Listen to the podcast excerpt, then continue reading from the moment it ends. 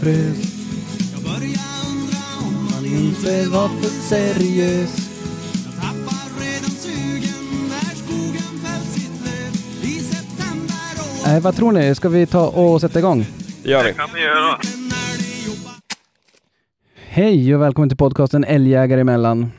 Ska vi presentera oss som man delar ut kort? I och för sig har vi en på telefon så det kan ju bli svårt. Mm. Vem vill börja presentera sig? Mm, gör det du Krille, för tusan. Ja, Krille här. Nu spoilar ju du vem det var. Jag är på länk. Du är på länk ja. Det är bra Fast det. jag är på rulle, alltid på rulle. Alltid på väg någonstans. Ja, visst. Det är härligt. Eh, mitt namn är eh, fortfarande Daniel. Och jag heter fortfarande Micke. Härligt, då var det avklarat. Japp. Eh, vi blir ju bättre och bättre på det där. Mm. Men har det hänt någonting sen sist? Är det någon som vill börja där då? Ja, gör det du Krille, för jag då, vad jag har inte gjort så mycket. Ja, det har väl hänt lite grann. Jag har väl lite skällning på valparna, så det har ju varit bra. Här, eh, ingenting på... Jag tror jag gick bet med gammelhundar förra helgen. Jag tror fasen inte jag fick tag i en älg. Aj då. Här, eh, det snöade rätt så hårt. Så det var lite svårt på lördagen där. Men fredag då, då skällde min valp. Ja. Och först stod han med en skenälg kanske. Han är ändå rätt tjurig av sig redan, tycker jag. Det är båda gott. Karlavagnen. Ja, jag vet inte om jag tycker gör det, men jag vet inte riktigt vad vi sa i förra gången. Att jag, jag tror jag gnällde på det sist då. Mm. Men eh, skitsamma i alla fall. Han fick tag i kokalv till slut i alla fall. Som jag ville. Ja. Och så var det väl vägen 3-4 kilometer eller något sånt där innan det blev typ stopp. Sen gick jag väl sakta. Det vart väl aldrig riktigt stopp. Jag tror han är för feg för att... Ja, jag tycker syns på pejlen som att han jobbar halvlojt med älgarna. Alltså, ja. Lite reserverad. om de rör på sig. Mm. Som inte han, jag tror han mest går på sidan bak eh, och bara avvaktar lite. Mm. Men det kanske blir bättre, får vi hoppas. Ja, men intresset finns ju där. Ja, massor. Hur mycket som helst. Men eh, ja, just som den här gången, förra gången släppte jag ju. Och den här gången tänkte jag nu tar jag, ska jag ha den här kalven. Ja. Han kom ju sakta gåendes mitt i knä på mig, men han gled undan den här gången också. Tyvärr. Det var lite... Det får väl bli tredje gången gilt i, i helgen då. ja. Hur ser det ut med snömängd hos det? Nej, vad är det nu? 10? Okej, ja men då är det 10-15 lugnt. någonting. Ja, det är fint. Men då sköt vi en kviga efter farsans unghundar istället. Okej. Hon som inte riktigt har visat... Ja, hon har ju varit lite ängslig och sådär tidigare. Nu, nu bryr hon sig inte. Nu är det som att hon är på nytt född efter löpningen, det första löpet. Sen då var det som att det, det slog på rätt hårt faktiskt. Ja. Nej men det är klart, det, det spelar väl stor roll för, för dem också. Att det sätter väl giller i huvudet och hormoner hit och dit. Ja, jag tror det i alla fall. Det är väl... Mm. De säger det, de som vet, men... Så är det. Så det, nej, men det ser väl bra ut, men hon är också lite het. Så att det, det får vi hoppas att vi får nöta bort med tid. Ja. Ja, nej men det är Fan vad roligt. Ja, nej, men det var kul. riktigt, riktigt skoj. Du får hälsa farsgubben din. Ja, absolut. Och nu är det ju skjutet för... Ja, jag var ju fyra i kullen och nu är det skjutet för alla utom min då. Ja, vad fan, du valde fel valp. Ja, nej, det tror jag Nej. inte, men... Är väl... Det spelar ingen roll, men då är det väl ena tiken, har skjutit fyra eller fem, fyra stycken har skjutit för den. Okej. Jävlar. Och de är tio månader nu. Så det är ju... Oj, oj, oj. Ja. Nej, båda väl bra. Förhoppningsvis har inte han haft för bråttom. Jag hoppas ju att inte han hetsar på för mycket så att han får något bakslag nästa år. Men Mm. ja, jag tycker hon verkar ändå rätt, rätt stabil. Alltså, Ganska go- gott gryn, det kullen då med andra ord. ja, jag gör ju det. Alltså, alla har väl lite tendens. Inte den enda som är i släppträsk har jag väl minst koll på. Men Mm. här, eh, Vars fan sa du att han var? ja, alla jagar i alla fall. Vars, vars var valpen sa du? Släppträsk. Släppträsk, det ska jag också... typ. Eller ja, runt Malå. Där hade jag också sålt varp till. Bara, vad, Har ni du aldrig ätit släppträskbröd? Nej. Nej, nej, nej. Nej, det är jävligt gött. eh, Ska göra reklam för i podden. eh, Ja. Bästa. Här mittemellan, det är inte mjukkakor och inte hård, alltså hårdtunnbröd, utan det är mittemellan. Det är segt och gott. Som, gam, som gammalt mjukt bröd alltså. Ja, fast godare. Är det som ostkrokar som alltid är godast dagen efteråt? Nej, nej, de går inte att äta då ju. Oj, oj, oj, oj. De ska vara krispig. Ja, nu, nu kommer jag inte te- testa släppträskbrödet tror jag, när du säger sådär. Ja, vad är gött. Ja, nej, men det måste jag testa. Ja. Eh, Micke, nu ska vi se, nu är Ja. det någon som inte har stängt av mobilen här. det är jag. Ja, Förlåt. Jag Guds förband. äh, ja Billy Öhman. gör sådär. Ja. Nu. Nu är jag med. Härligt. Micke, vad har hänt sen sist för dig då? Vet du att det har inte hänt någonting? Uh, Du, va? jag har det väl. Vadå? Du har ju jobbat som ett as varenda kväll. jo, jo, det har ju varit rätt mycket ute i slakterier men, men, men eh, det, det är fan på upphällningen nu. Nu är det tomt där inne. Ja, Det har varit ett ryck som inte går av för hacker faktiskt. men det måste vi ändra på, att det är tomt där inne. Jo, men eh, vi, vi ger ett par dagar så jag får vila spearmarna vila en stund. Ja, du har gjort ett, ja, precis. du har gjort ett hero, en heroisk insats i, insats i slakteriet. Ja. Riktigt, eh, det var lite nästan på gränsen till övermäktigt där ett tag kändes det som, för mig. Ja, men det var, nej, ja, övermäktigt, men det, jag såg inte slutet. Det var ju det som var problemet. Ja. Men eh, det, det är en ganska olustig känsla när man, när man jobbar en hel dag på jobbet och så sen kommer man hem och det, du går som på rutin. Du äter, sen går du ut och så kommer du in med tio på kvällen och så samma sak nästa dag igen. Man ät, gå ut, kom igen tio. Alltså det, Ja. det blir som en jävla eh, fabrik nästan. Men det, nu, är det, nu är det slut. Nu är det bara lite städning och sånt där skit i kvar. Det, det, det gjorde jag faktiskt inte igår. Jag varit lite less att jag, jag, jag måste städa ur det. Ja, men du ska väl alltså typ kall, säsongstädare höll jag på att säga, Jo, eller kallställare eller vad man ska säga. Precis, jag ska koppla ur vatten och sånt där. Hade jag Mm. tänkt. Men det, det har varit lite jakt. Förra helgen då, då, då frös ju jakten bort. Det vart ju skitdåligt för här hemma. Ja. Och jag hade ingen annanstans att fara heller så att eh, då fick man göra bort lite sådana små sysslor som man har hängt över en ett bra tag nu. Ja, nej men det är ju så när det, när det är den här perioden så är det ju mycket som får stå tillbaka. Ja, och så var det faktiskt ganska så skönt med sovmorgon. Det ska jag inte sticka under stol med. Ja, själv har man ju två barn av modell mindre, Ja. så att sovmorgon är som inte riktigt ett, ett alternativ. Jag, jag hade i lördags hade jag en- en jävla kanonmorgon alltså. Jag vaknade ganska, jag inte vet om det var åtta eller nio. Låg och drog mig, kokade kaffe och gick och såg Vinterstudion. Oj. Alltså- men är de igång där ens? Ja det var en sån här typ så här- tjuvstart i, i, i, det var ju Sverigepremiär eller vad man säger, Sverige. Ja, det var Ja, bara... men första är nu i helgen som kom. Och nu är det som kommer är Eller Rocka eller. internationella, men det var ju tjejerna, det är man ju mest intresserad av för de är bäst. Men får de åka, alltså världscupen och sånt där, det, det kommer gå igång som vanligt. Det är klart de åker, de behöver inte köra massstart ju. Nej. Men de kör igång i helgen nu. Då blir det, Ja. Eller kanske blir jakt i helgen, jag vet inte, jag får se hur det blir. Ja, vi får se vart det tar vägen. Men, Men det är, det är faktiskt en jävligt skön start att ligga och se Vinterstudion, dricka en kopp kaffe och pilla sig i naveln. ja, det är faktiskt, det är lite sådär, eh, ja men det är mysigt. Ja, det är det faktiskt. Själv har man, eh, den gångna helgen så vart det ju ingen jakt för mig heller. Däremot så har vi utökat vårt djurstall med en ponny. Mm. Så att eh, det är superkul. Mm. För alla. Ja, det är bra. Ja, nej, jag ska inte vara sån, utan det, det är faktiskt kul. Man ser ju hur, hur glad både ungar och uh, sambo är, så att det, det är riktigt, riktigt skoj. Mm. Men eh, det är klart, jag skulle ljuga om jag inte är där på söndagen, för ja, då, var, då ryckte det ju lite grann i, i jakttarmen, höll jag på att säga. Mm. Också ganska kul när jag var i stallet och skulle hälsa och titta på den där hästen. Då kom det, då har de som ett, um, vad heter det, hage runt omkring det här stallet. Så jag stod där utanför och så kom det en, en eh, häst ganska fort, typ galopperande.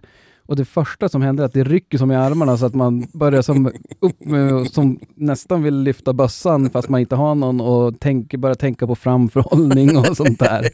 Det, det, det, det är inte friskt. Nej, nej det, var, det var verkligen så här, oj, nej just det. Tur att man inte gjorde det. Du kan ju tänka dig hur, hur hästtjejerna och hästkillarna skulle resonera ifall man börjar så här Stämningen hade blivit lite konstig. sikta där. Det blir ju inget bra. Mm. Men jag tänkte också det att vi, förra avsnittet vart ju lite trubbel när vi hade ett eh, minneskort som kraschade. Mm. Och vi pratade väl lite grann om hundfoder, så jag tänkte vi, vi ska ta, gå tillbaka till, till de lyssnarfrågorna lite senare. Mm.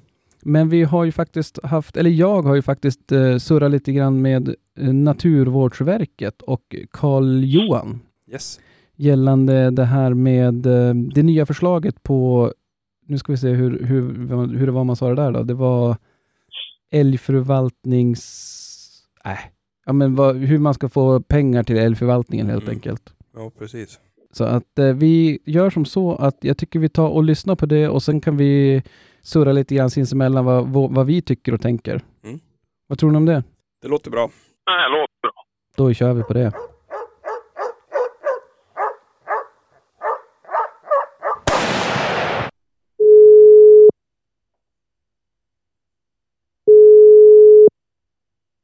Naturvårdsverket, Carl-Johan. Hej Karl-Johan, mitt namn är Daniel och jag ringer från eh, podcasten Älgjägare emellan. Hejsan! Hur är läget? Det är bara fint, det är det. Absolut. Hur är det med dig? Jo tack, det är bara bra. Det är fullt upp, men så ska det vara har man fått lära sig nu. Så att det är bara att gilla läget. Det låter bra. Jag eh, tänkte att jag, jag, anledningen varför vi ringer dig, det är ju egentligen att vi är lite nyfiken på det här eh, nya förslaget på älgförvaltningsfinansiering. Just det.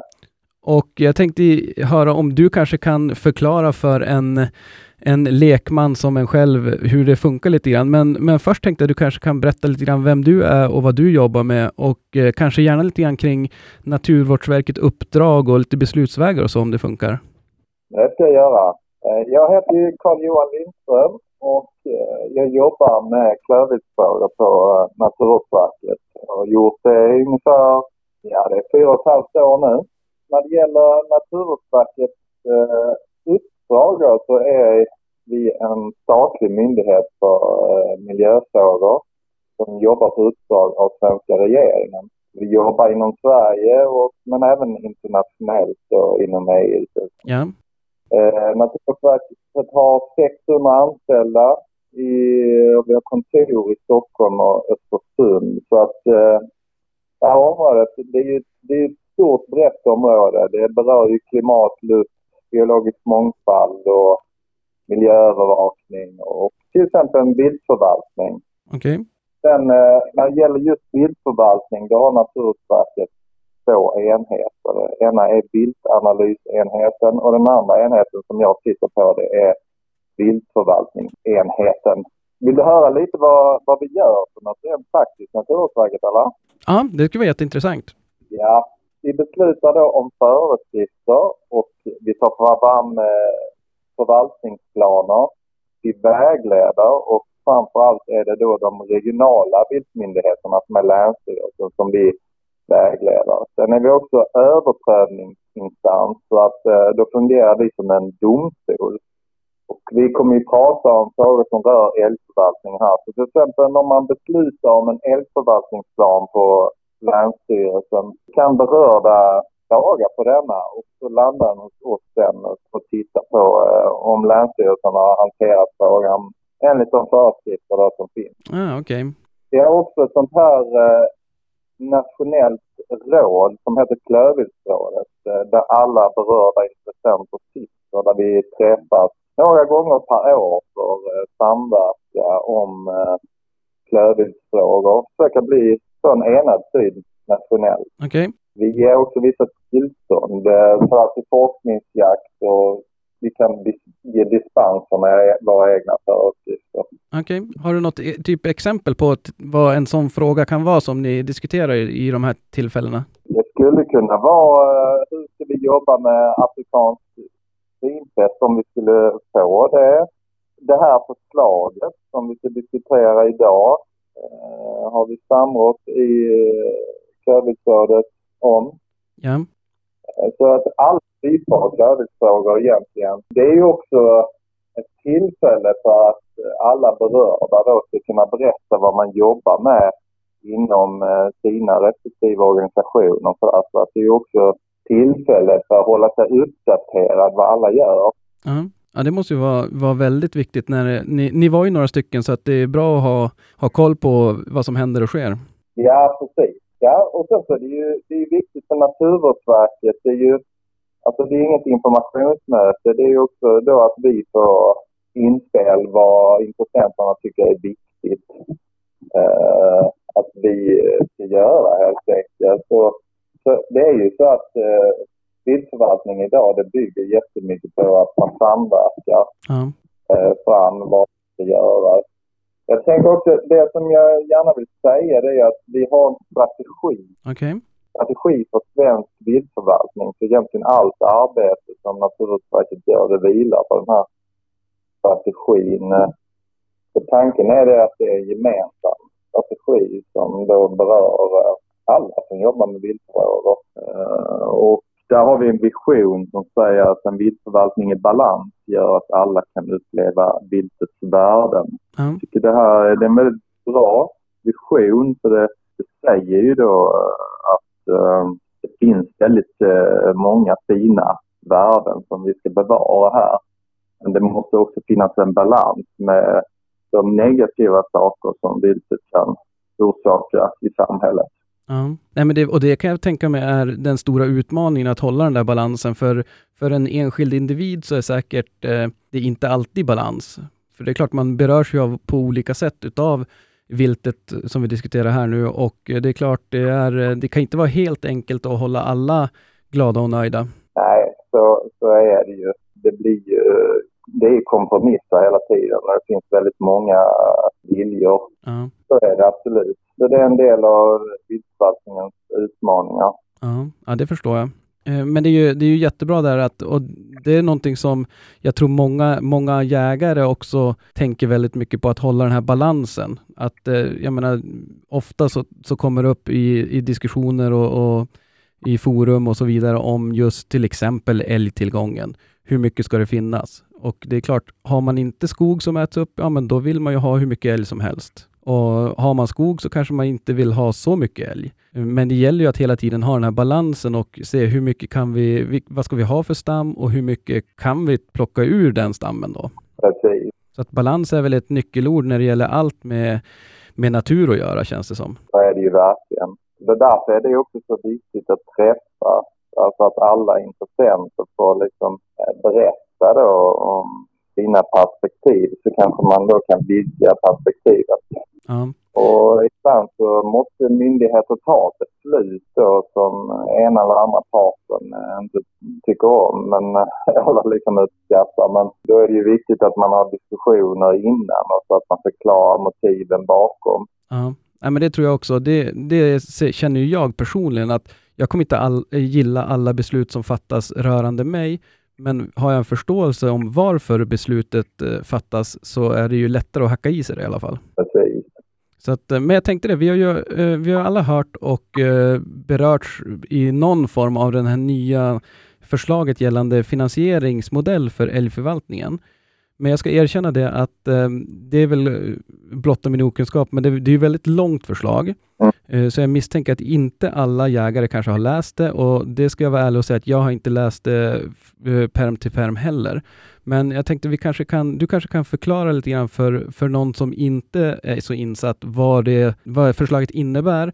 Men kanske börja med och bakgrunden till förslaget. Varför, eh, varför behöver vi göra någon förändring? Ja, absolut. Kan säga att vi- fick ju det senaste älgförvaltningssystemet trädde i kraft 2012 och jag kan säga att faktiskt ända sedan dess så har det varit problem att många länsstyrelser har varit underfinansierade. Jag skulle kunna säga, om man generaliserar så är det de söder om Dalälven. Ja. Det här senaste systemet eh, det innebar egentligen ökade kostnader för eh, länsstyrelsen. Men det blev också ökade kostnader för eh, inventeringar till exempel. Så, så att det har funnits ett problem eh, hela tiden då att eh, man inte har täckning för de kostnader som finns. Sen ser vi också nu att eh, älgpopulationerna minskar i många delar av landet och då blir det ju här ett ökat problem Ja. att få täckning för sina kostnader. Och det är just det att det finns inget kostnader man har för detta, vilka kostnader staten har och hur många älgar som skjuts. Men bakgrunden är då att eh, vi för några år sedan tittade generellt sett på olika fina- finansieringssystem.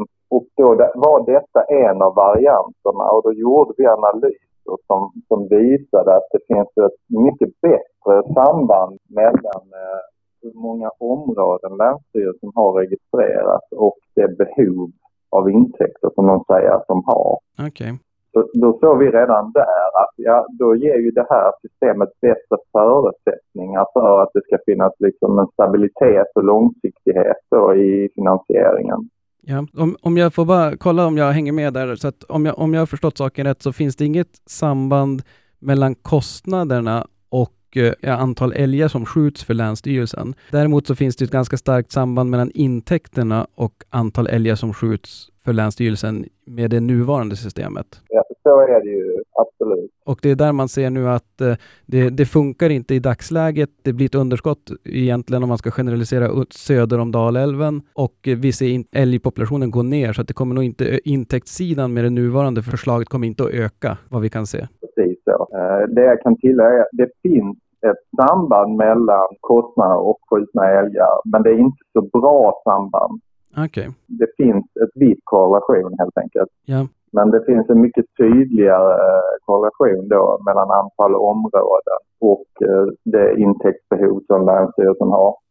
Och det som är väldigt viktigt här att säga det är ju att grunden då, uppdraget som vi har fått av regeringen, det är att det fortsatt ska vara ett självfinansierat system. Och det är alltså att de som berörs av det betalar och, och det är det som ger intäkten. ja, Så att det finns inga skattemedel som finansierar detta. Så att det är ingenting som Naturvårdsverket valt så, utan det, det kommer från eh, regeringen att det, det är så vi ska titta. Ja. Men, men som jag förstår idag så måste det väl finansieras, jag menar om det, om det inte räcker till pengarna idag söder om Dalälven så, så får de skjuta till pengar från skattemedel idag eller? Och det, det är en del av problemet. Precis, det är helt rätt. Är det. Okej, ja. Ja, men då känner jag att åtminstone jag har fått lite bättre förståelse och bakgrund till varför, varför förslaget har tagits fram. Men eh, jag tänkte, kan du nu, det är kanske ingen enkel uppgift att förklara det på, på, på några få meningar vad det innebär riktigt förslaget, men om du skulle göra ett försök, vad, vad innebär det här nya förslaget? Ja, det är egentligen att man finansierar då förvaltningen utanför, utifrån avgifter per område istället för fällda djur. Ja, Om man ska då prata om eh, själva modellen här så är ju... Alltså du, du känner till det här med att man har registrerade områden. Alltså det finns licensområde och älgskötselområde. Ja, absolut. Ja, precis. Så att eh, det är de som kommer belastas av en avgift. Ja, Och Länsstyrelsen kommer då med detta förslag ha möjlighet att sätta ett grundbelopp som alla områden måste betala. Men vi kan inte ta ut samma avgift för de små områdena som vi gör för de största. Så därför finns det, kommer det här eh, beloppet att vara rörligt. Och det, det rör sig med områdets storlek eller ja. Baseras det bara på, på områdets storlek eller baseras det på avskjutningsmål eller vad man ska kalla det? Precis, det är det jag tänkte komma in på. Och då, hur man bestämmer storlek, det har vi ju valt att man kan göra på två olika sätt. Det ena är då att det är områdets storlek, alltså ytan, arealen. Eh, Eller att man gör detta vid tilldelning. Vi ser detta att det är också ett storleksmått. För det finns en koppling med hur stort området är och vilken tilldelning eh, du har på området. Det finns eh, olika för och nackdelar med detta. Så det, det, man kan ju se det som en nackdel det är att det blir lite mer komplicerat. Men vi valde ändå att göra så här. eh, Vi vill att det ska vara en flexibilitet, att Länsstyrelsen kan välja själv. Ja, Det här är ju, om det här nu kommer att träda i kraft så är det ju en, det är en stor omställning för Länsstyrelsen. Och det kan vara så att vissa eh, då tycker att det är bättre att använda tilldelning och då vill vi att de ska ha den möjligheten. Så att eh, övergången då kan nog accepteras av fler, tänker vi. Man skulle kunna egentligen skapa ett system där man tycker fällavgifter fungerar väldigt bra.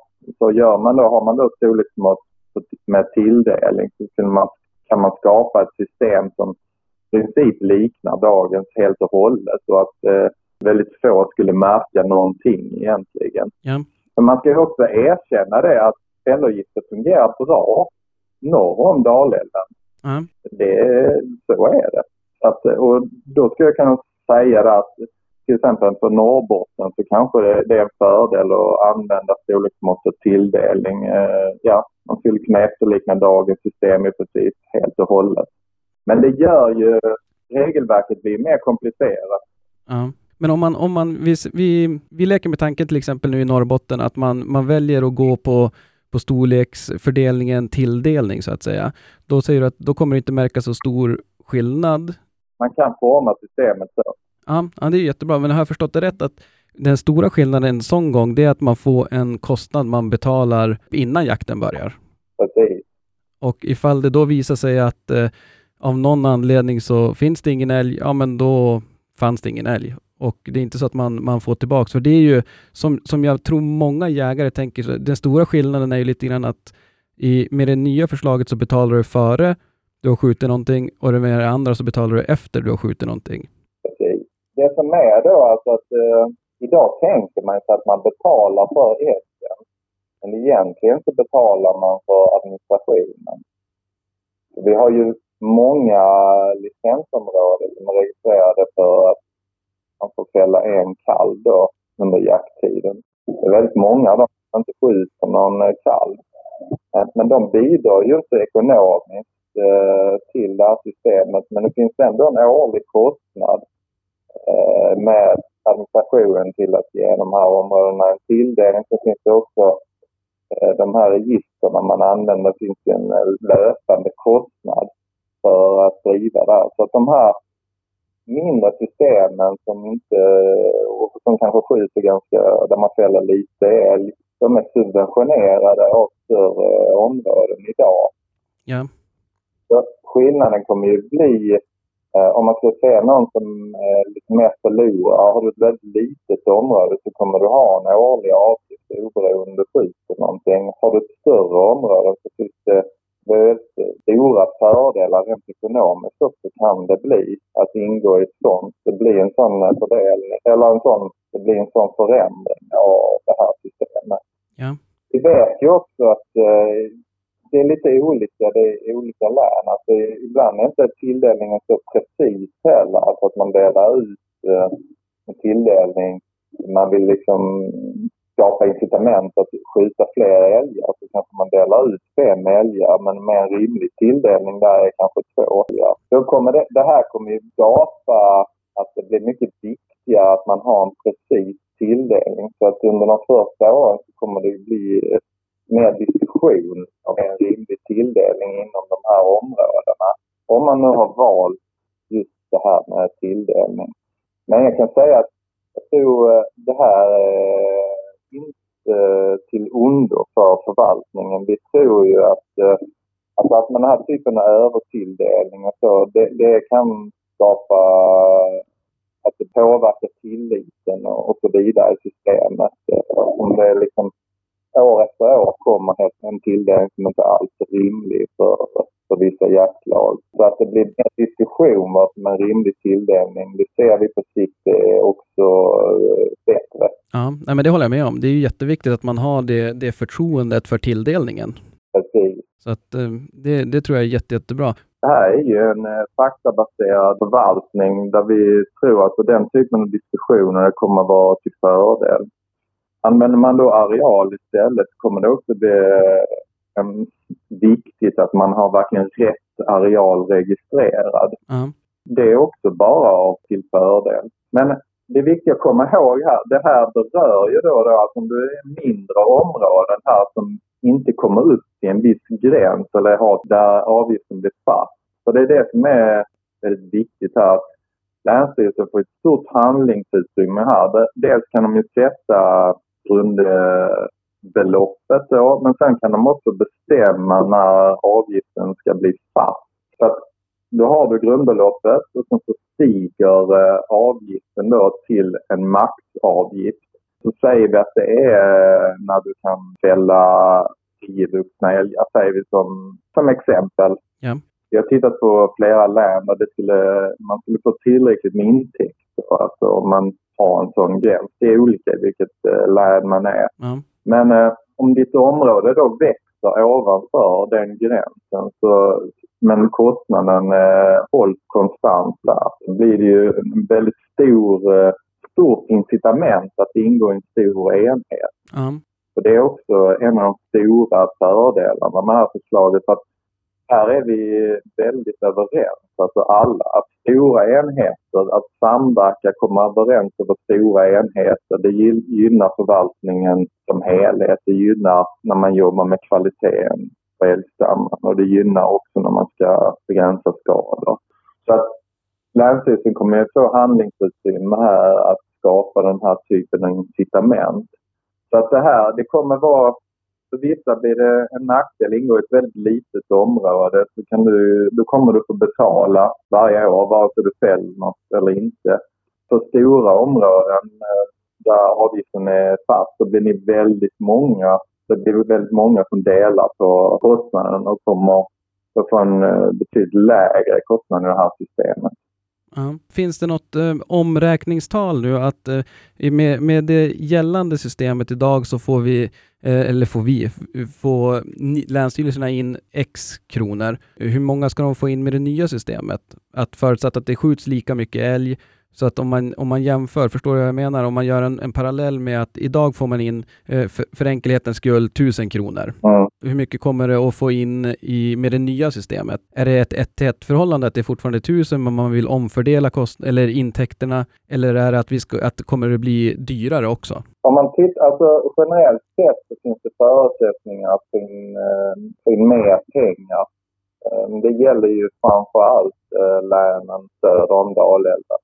Alltså det är ju huvudgrejen med det här uppdraget. Det är ju så alltså, för det finns eh, ett underskott och då ser vi att det här är bättre. Ja.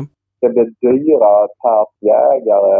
Vi har gjort en sån eh, konsekvensanalys i rapporten och det står det där. Alltså, då tittade vi alltså där det blir störst skillnad för de enskilda jägarna. Alltså att eh, kostnaderna ökade som mest. Men även där när vi gjorde beräkningar så var det liksom ingen stor skillnad per år. Vi pratade om hundralappar då. Okej. Men det är nästan eh, bäst att du tittar i, i rapporten på det. Ja. Men, men det, ger, det, är större, det ger mer intäkter det här systemet. Och orsaken till det, det är ju att alla är med och betalar. Alltså du skjuter något eller inte. Men det fördelas på fler personer då. Eh, Har jag förstått det rätt då ifall, ifall man kan säga att det blir dyrare kanske för, för jägarkåren men för den enskilda jägaren behöver det inte nödvändigtvis bli det? Att man är fler som delar på, på kostnaden så att säga? Det är fler som delar på kostnaden, ja precis. Yes. Ja, nej, men det är eh, intressant, för det tror jag är en, en, en av de vanligaste funderingarna ute bland, bland jägarna. Hur, jaha, nu gör de det här för att de ska kunna, för att det ska bli dyrare. Och eh, det kanske behövs, det vet jag inte. Det, vad, vad jag förstår på dig så behövs det framförallt på vissa områden geografiskt och då är det ju en, nästa fråga blir hur mycket dyrare kommer det bli? Och det är väldigt svårt, men som jag förstod på dig så kan det i de kon konsekvensanalyser ni har gjort så kunde det röra sig om, att det var hundralappar, det var inte tusenlappar. precis. Ja, nej, men det är, eh, det, det är svårt kanske, för jag förstår att det är jättesvårt att, att göra förslaget rättvisa så här, men det är, jag vill tacka så mycket, det är jättevärdefullt för, för mig att eh, få, dem, få det förklarat på det här sättet. Rapporten är all ära, men eh, rapporter är inte för alla att läsa tror jag. Nej men absolut. Och det jag skulle säga här, alltså, det är ju det. Alltså, vi tycker att så här, eh, det är mer långsiktigt så. Eh, Eftersom att eh, om antalet områden minskar så minskar också behovet hos Länsstyrelsen. Eh, det är ju det här som är det fina. Då gör vi det mer eh, långsiktigt.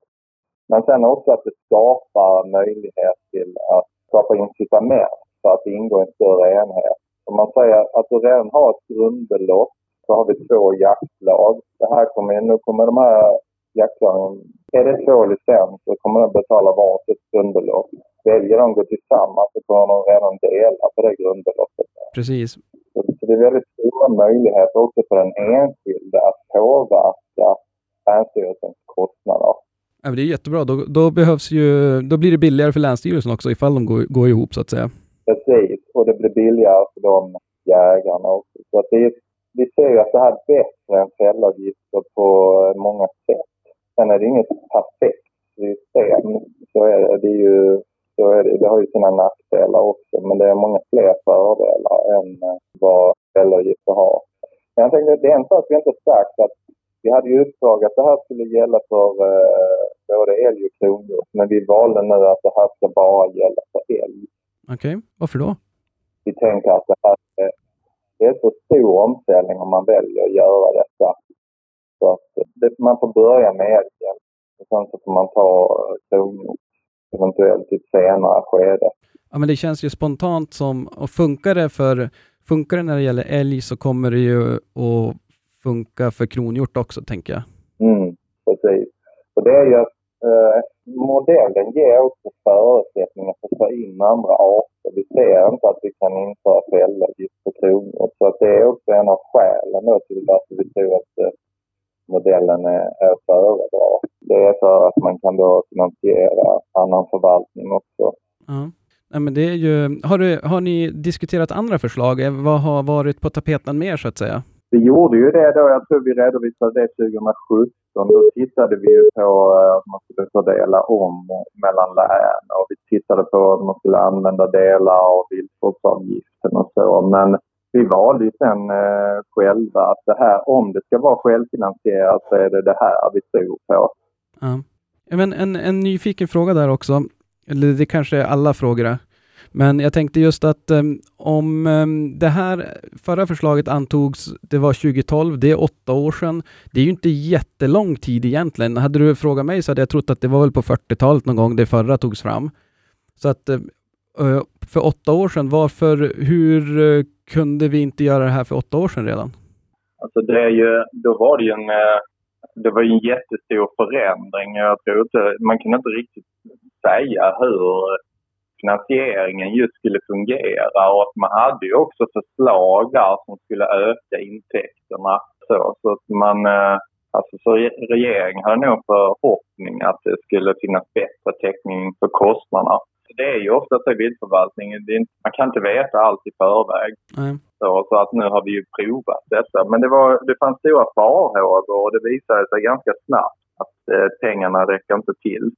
Själva förvaltningsmodellen finns det ju väldigt många bra grejer i. Det var ju en stor förändring där 2012 att vi fick den här ekosystembaserade adaptiva eh, älgförvaltningen. Så det var en stor för, förändring som också, det finns väldigt många bra grejer.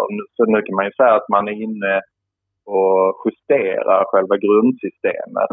Så detta är ju bara finansieringen. Ja. Sen i framtiden kanske kommer andra saker som man vill förändra i själva grundsystemet. Men vi har ändå en bättre ram för att förvalta älgen där.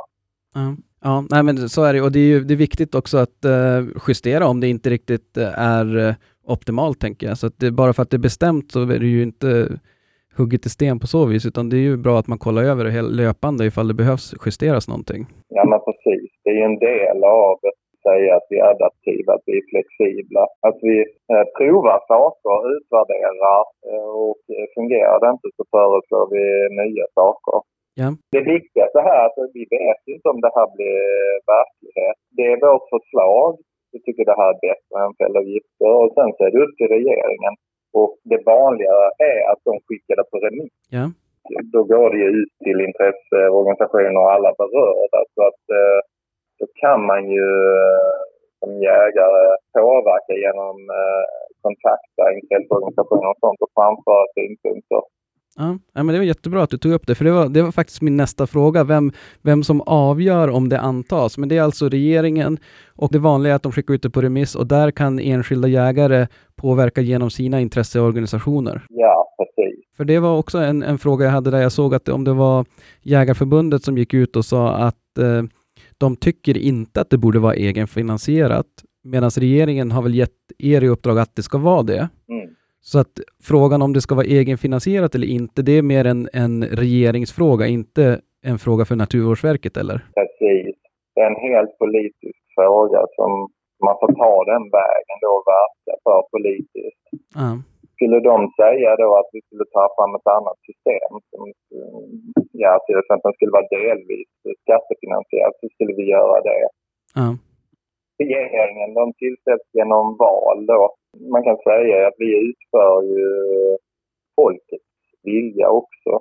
Ja, ja det, är, det är fascinerande hur eh, beslutsleden går och eh, det, jag misstänker att det inte alltid är lätt att vara alla till lags. Både det att vi har ett väldigt avlångt land så att det är olika förutsättningar, eh, men också att det är många olika starka viljor och eh, det har man ju också sett på, på nätet gällande det här förslaget, att det är många starka, starka åsikter. Och det var ju därför, det var ju som när jag, när jag pratade med dig initialt där, att jag ville gärna eh, ringa och störa dig en stund och prata lite grann med dig och höra från, eh, från ert håll vad som är bakgrunden och lite grann och sådär. Sen har väl inte jag bildat mig någon, någon uppfattning. Jag tycker att den är nästan viktigare, den frågan vi diskuterar där nu, ifall den ska vara egenfinansierad eller om det ska vara delvis skattefinansierat. Och det är ju ingenting som, som ni har någonting med att göra som jag förstår. Ja, men precis. Så att, eh, sen är det ju, är, en egen, eh, är beslutet att den ska vara egenfinansierad, ja men då måste vi ju ha ett, en modell som tillåter det. Mm. Så att, eh, ja, nej, men det är, eh, jag vet inte, jag tror att jag börjar få en, en ganska bra bild och eh, förståelse för det här nya förslaget och vem som, eh, vem som ska besluta om det antas och lite grann bakgrund. Så att jag känner att jag är väldigt nöjd, Karl-Johan. Vad bra. Så att eh, jag skulle bara vilja tacka så hemskt mycket för att jag fick eh, ringa och störa dig och eh, sen får vi se om, om det ges tillfälle så kanske jag ringer och stör dig igen om, gällande antingen det här eller något annat. Jag vet att jag ska försöka kontakta någon kollega till dig också och prata lite stora, stora rovdjur. Det är alltid intressant. Absolut. Känner du att det är någonting som du skulle vilja få fram som jag har missat att fråga om? Tycker vi har pratat eh, om eh, det mesta. Så. Nej, men eh, som sagt. Eh, ja, men jag tycker vi har tagit det mesta. Ja, men jättebra. Och skulle det vara någon så att, eh, nu så att någon lyssnare har någon, någon klok fråga så kan de alltid mejla till oss så kan jag se om jag drar det vidare till dig och så kan ju du svara ifall du har möjlighet. Absolut. Jättesnällt Karl-Johan att jag fick ringa och störa och ha en eh, trevlig helg när det blir dags för det och eh, på återhörande förhoppningsvis. Ja, detsamma till dig.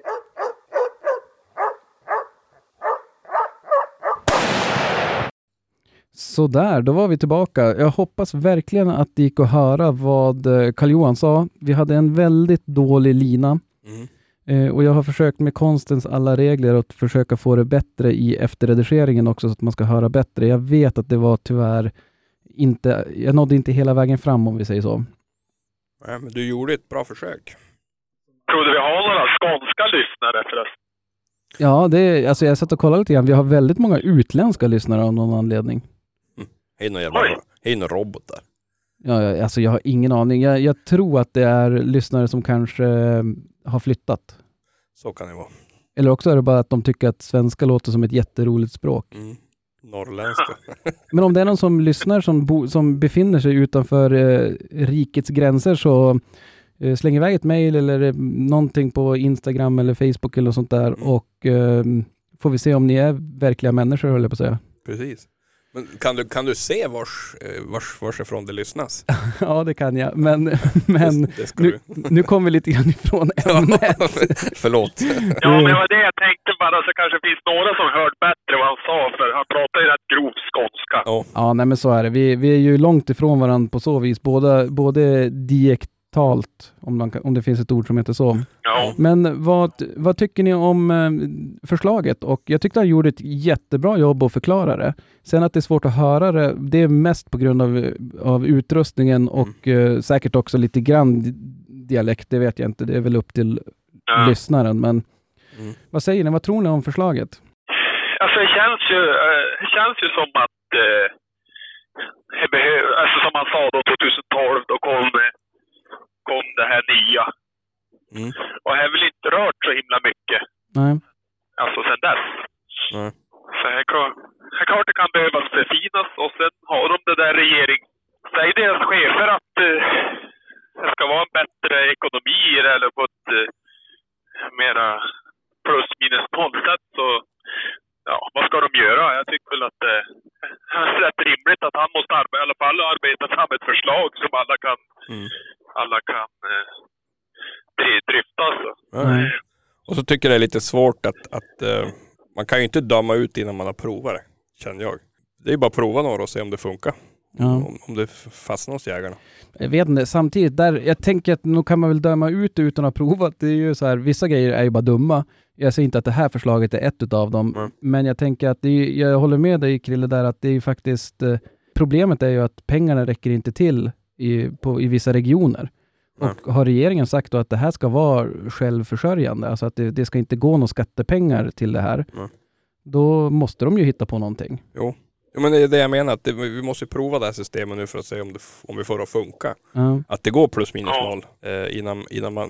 Ja, men sen diskuterar Danne, du sa ju en klok grej tycker jag tidigare vi pratade. Det var ju det att eh, kanske ska behövas eh, kollas i andra änden också. Nej men absolut, det hur finns... mycket, hur effektiviteten är på själva länsstyrelsen och i deras led. Alltså, Ja, och det, det är väl någonting som, som man eh, också kan... Jag menar, om, om man inte får pengarna att räcka till, då finns det ju två sätt att kolla. Antingen att försöka få in mer pengar eller att sänka utgifterna. Mm. ja.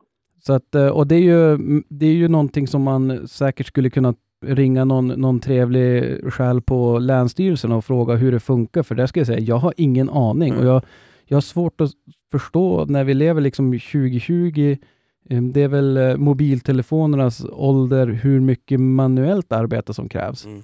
Jo, man ska ju konkret få veta vad kostnaderna är, alltså det administrativa. Ja, Alltså få, få siffror på det också för att få förståelse. och jag tänker att vi, det borde ju gå att automatisera ganska mycket, är min känsla. Men det kan ju bara vara min okunskap som, som pratar också. Jo, man vet inte. ja, och sen är det det här också som du var inne på tidigare. Det här, alltså det är så lätt hänt att det är alltid vi, nu den här gången är det vi jägare, men i andra sammanhang kan det ju vara vi skattebetalare eller det är alltid så himla lätt att få oss och vi ska bara stå där och, och betala. Mm. Alltså, Mm. är vi oftast hamnar det på vi, på oss längst ner eller vad vi, vad vi ska kalla oss. Mm. Ja, ja, nej men så är Ja, det. det är väl oftast det opinionen är emot också, att det ska alltid vara så himla åt ett håll. Precis. Ja. Mm. Nej, men och det där tänker jag också att, jag menar, okej, jag kan se det från båda sidorna att visst, det är, det är vi som, det är jägarna som jagar älgen och att det ska vara självförsörjande, det är ju ett sätt att se på det. Men jag är ju lite inne på att visst, det, vi, tycker om att, vi tycker om att göra det, vi tycker att det är kul, men samtidigt så är det väl också en samhällsnytta, tänker jag. Vad skulle hända ifall det inte jagades älg? Eller nu är inte vildsvin, det är inte, det är inte upplagt på samma sätt, men förstå vad som händer om det skulle sluta jagas ett år. Mm. Ja. Det skulle, det skulle bli, det skulle bli katastrofföljder. Alltså tänk dig bara trafikolyckorna om de ska öka. Ja. Och jag menar, du behöver inte så himla många dagar på ett sjukhus, alltså kostnaden i det, Ehm, för att du ska gå back. Nej, det är många fällavgifter på så Ja, vis. Precis. Så att, nej, Nej. så får det inte bli. Men, och det där är ju, det är ju intressant också, för, för jag tänkte ju först att så här, ja men det här är inget bra, det kommer bli dyrare, för det, för det är väl det, som jag tolkar det, så är det väl det någonstans, eh, det är där det kniper, att pengarna räcker inte till, då måste vi få in mer pengar. Och eh, som jag förstod på karl johan så var det också det att vissa områden, ja men norr om Dalälven, där bär det sig självt, men söderöver där det är mindre, mindre geografiska områden, så blir ju kostnaderna skenar, för det är egentligen inte per skjuten älg som det är dyrt, utan det är per område och hanteringen av alla små och mindre områden. Mm. Men jag tänker att eh, någonstans så tycker jag att de gör ju det de kan efter de förutsättningar de har. De får ju ett uppdrag från regeringen att det här ska vara, det här ska ni lösa. Mm. Och det är ju inte tvärenkelt att lösa det. Nej. Nej, men och sen är det ju jättebra att alla ska få vara med och alltså, betala sin. Hej, att de här stora områdena ska ju inte behöva stå och finansiera alla andra små eller så. Som man sa då. Nej. Nej, men så är det ju. Eh, Det är väl helt rätt. Mm. Sen vilken det är, alltså det är svårt. Det är ju så himla komplicerat. Så han som har skrivit, ja vad hette han nu? Jag kommer inte ihåg. Jag står på namn. Ja, han har suttit och skrivit den där och bara, ja, det är som du sa också Daniel, att det är inte något man tvärläser igenom bara. Nej. Så det är på en kväll och förstår sig på. Ja. Han är ju, så det gjorde han bra tycker jag. Alltså, jag först, alltså man förstår ju tanken. Jo, Ja. absolut. Ja, och jag vet inte, jag, som sagt, jag, det, det jag har förstått av förslaget så, så kan jag köpa det på något sätt. Alltså att det, någonting måste göras och det här är det som, det, det som jag ser är vettigast på så vis. Mm. Men sen så är det ju en annan dialog som jag har förstått att eh, Jägarförbundet för att det ska inte vara självfinansierat, utan där måste faktiskt också staten gå in med skattemedel och finansiera, inte hela, men delar utav det. Ja. Och det är klart, kollar vi nu, det, det som är lätt för oss också som, som sitter uppe i norr på ganska stora områden och, och det finns en, eh, jag ska inte säga att det finns gott om älg, men det finns älg. Mm. Eh, Och det där är olika från område till område. Men vi, som jag tolkade Karl-Johan, så skulle ju vi i princip tjäna på det här nya. Mm. Och det är klart, då är det lätt för oss att sitta och säga, ja men det här är, det här är inga problem, det här tycker jag verkar som vettigt och, och bla bla bla. Medan om man sitter i ett jaktlag med kanske lite mindre marker söderöver och eh, eh, man kanske inte har jättestor tilldelning och så blir det mycket dyrare. Då ska vi komma ihåg att arrendepriserna är ju inte gratis söder om Dalälven. Nej. Vi kan ju tycka att det är dyrt med arrenden här uppe också, men det är ju Alltså det är ju Piss i havet. Ja, ja, tio gånger dyrare är ju ingenting. Nej. Så att det är klart, då Nej. kanske man ändå vill Men ha... är då i andra änden, andra änden då så är ju inte heller avgift till Länsstyrelsen är inte det vi står fall på. Alltså oavsett. Nej, Om du betalar 400 kronor kvar, eller hektarn i arrende och så har du en avgift för 500 kronor till Länsstyrelsen för en fälld älg. Eller, Mm. nej precis. Så att det är ju ändå Nej, små, små, eh, små pengar är väl fel att säga, men det är ju ändå pengar. Men Mm. ja, jo men det är ju, det är ju, ja och så sen är det ju det att, det är som du säger, alltså det är ju, det är ju kostnaden i soppan för att hämta hund några marker bort känns det som ibland. Men, ja, eh, men typ. men man vill ju också så här, det, en utav, som jag förstår, en utav eh, synergieffekterna utav det här förslaget var att man kanske skulle gå ihop och bli större områden. För, och på så vis eh, sänka kostnaden för, för eh, administrationen. Och det är ju en jättefin tanke, men samtidigt så, alla som har varit älglag vet ju att det är ju inte så här, Nej, i, I teorin funkar det ju, men Ja. praktiskt är det inte alls säkert att det är så lätt att Nej, lösa. alla vill ju ändå ha den mark de har. Mm. Alltså, exakt, och det är inte alltid lätt i ett älglag kan man väl säga. Nej. Det finns mycket Ja. vilja. Så att, eh, men jag tycker, jag vill passa på att tacka Karl-Johan. Det var jätte, Mm. jättesnällt att ställa upp, att vi fick ringa och, och störa dig. Och eh, jag har fått en, eh, en betydligt bättre bild av förslaget. Mm. Sen så har jag väl någon slags tanke där att vi kanske skulle kunna ringa och höra med, säg Jägarförbundet eller någon annan, alltså som, eh, jag ska inte säga motpol, men som kan komma med en annan infallsvinkel. Mm. För det ska vi säga att vi är ju långt ifrån några experter på det här. Ja, ja. Nej. Men, men, men om vi släpper det, eller vi kan säga som så, om eh, ni som har synpunkter, de, eh, dela gärna med er av era tankar och eh, synpunkter på Älgjägare emellan surr, tror jag det heter. Mm. Eh, våran Facebookgrupp där vi jättegärna vill involvera er som lyssnar också i vad, vad ni tycker och tänker. Och eh, högt eller lågt, det enda som är viktigt där det är att vi, vi som alltid håller en god stämning vi älgjägare emellan. Mm. Men eh, ska vi prata om något annat? Jag kan berätta, jag var ju faktiskt ute och jagade, nu ska vi se när det var, det var ju förra veckan. Och eh, det var ju kul. Det var ju kul, för ingen annan hade tid att jaga. Nej. Nej. skitkul. Nej men det var, det var eh, bra förutsättningar och eh, faktiskt gott om älg, men tyvärr så agerade min kära hund mer vallhund än ståndhund. Mhm.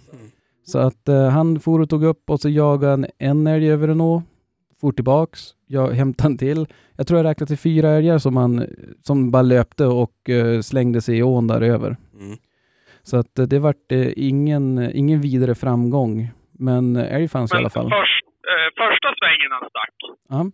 då var, fick jag ändå för mig som att han eh, vände före. För att han, alltså jag fick för mig att han hade koll på att det var en till älg där på samma ställe. Ja. Det var som att det aldrig var fram till, till själva stranden. Jag tror han hamnade lite grann på efterkälke där, för det, det var nog full, full fart. Det var ett, ett ensamt större djur. Ja, det var ju... Och eh, det var, det var nog full fart. Och så sen då, då tror jag att han inte, när han såg, för han, jag tror att han såg älgen på andra sidan. Ja, precis. Ja, jag fick som för mig att han inte... Och då tror jag han gav Jag upp. trodde inte han skulle skälla då. Ja, inte om han klättrar upp och bara sticker och han vet att det finns en till. Då tror jag att han tänker, ja men då tar jag den andra. Ja, nej men det var det jag ville komma fram till. Ja. Det kändes som att han... han eh, för de andra tre typ som han stack med, då, då var han ju som ända fram emot och kärva på där runt eh, mot vattenkanten. Ja. Den där, den där ån, den, det är tur att han inte snöar skin där ån, för den är ganska ström och så är det jävla kanter på. Ja, jag var, jag var ner och kollade Jaha. nu och det var, den, den- den är inte så här, jag är, som sagt jag är ganska glad att han Mm. inte ho- hoppar, hoppar Men i den. eh, alltså, det blir aldrig några isar där eller? Ja, inte, Alltså, nu, in, inte nu i alla fall, för det, var, det är då så jävligt med vatten där. Ja. Det, Ja. Det, det forsar ju rent där. Ja. det var klokt av honom att inte snöskidor. Men du ser hur de bara, alltså de har ju bara en pil rakt fram, alltså de ska bara över dit alltså. Det är, Jo. undrar många gånger någon hund har skickat över de där, ja. den här säsongen bara. Det där, eh, vad heter det, Sven gjorde ju samma sak med en älg. Mm. Och det är Ja. som att, det- jag har tänkt jättemycket på det där, att undra om det är så att älgarna har lärt sig det. Att det, det kan rent av vara samma älg, för de vill ju stå där, det, är ju, det Ja. förstår jag ju. Och eh, då åker, då, så fort det kommer en hund, då vet de, ja men då får vi bada en sväng. Mm. Men Ja, nästa, lite. Alltså, man får ju den känslan. vi, må, vi måste ju försöka få dit någon och stå där när vi jagar. Alltså det, Ja. det där är ju vårat, det där är ju pass fyra på hemmamarken i stort sett. Ja, det är generalen. Ja, generalpasset, det är ju, de ska ju bara den där svängen. ja. Ja, men det jävla var ju att det for på fyra olika ställen. Jo, det var ju inte, det? jo, det var inte exakt på samma. Nej, nej och jag, jag hade ju med mig kamrater också som jag skickade och löpa på det där. Mm. Så att de, de hann ju inte fram. Så när, när jag pratade med han, han då flåsade det bara i luren. Och eh, Jaha, ja, okej, det fattar aldrig jag. Vart, vart var de då? ända in på Alltså. vändplan, 100 meter längre in. Så han eh, stod ju på spåret. Jaha, okej.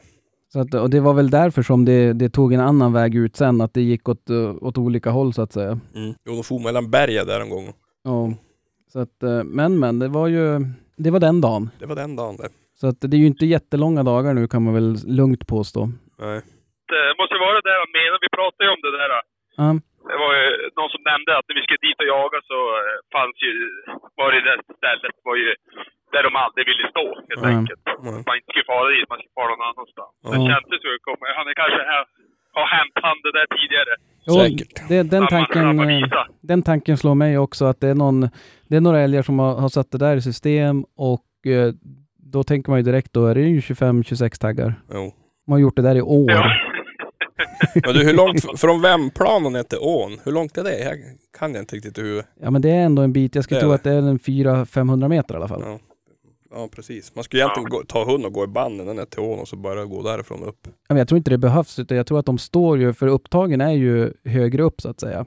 Det är det. Men Ja, jag tänkte, ganska långt in på marken. Ja, men jag tänkte så man kom in bakom dem så man inte... Så, Nej, så man kan nej. hålla, hålla ån lite grann. ja. Ja, nej men det, det där, och det framförallt så skulle det vara kul om man kunde få det att gå någon, an- något annat håll. För jag menar, Jax är ju inte den som eh, slänger sig i vattnet i första taget. Mm. Framförallt inte om det är sådär strömt och, och ja men forsigt. Nej, men det här är jättebra. Ja, det, och, och det, så har jag det gärna. Ja, ja. Det, det är Ja, bra för mig så att säga. Men man vill ju också så att, eh, jag tror ju där att visst, du kan vara ganska effektiv och skjuta älg där. Mm. Men samtidigt, det är ju svårt att få något hundjobb, utan man vill ju gärna Ja. att det ska få stå och dunka på ett tag. Jo. jo, men så är det ju. Men eh, Men man kan ju, få, får man dem att gå åt andra hållet från ån, då har de ju rätt mycket att vara på, så då kanske de går och ställer sig någon annanstans. så är det ju. Och Mm. eh, står man själv i ån så vet man ju det, här, då kommer de ju inte dit ändå. Så, Nej, exakt. så den, den behöver man inte oroa sig för. Jag måste gå och fylla på lite kaffe.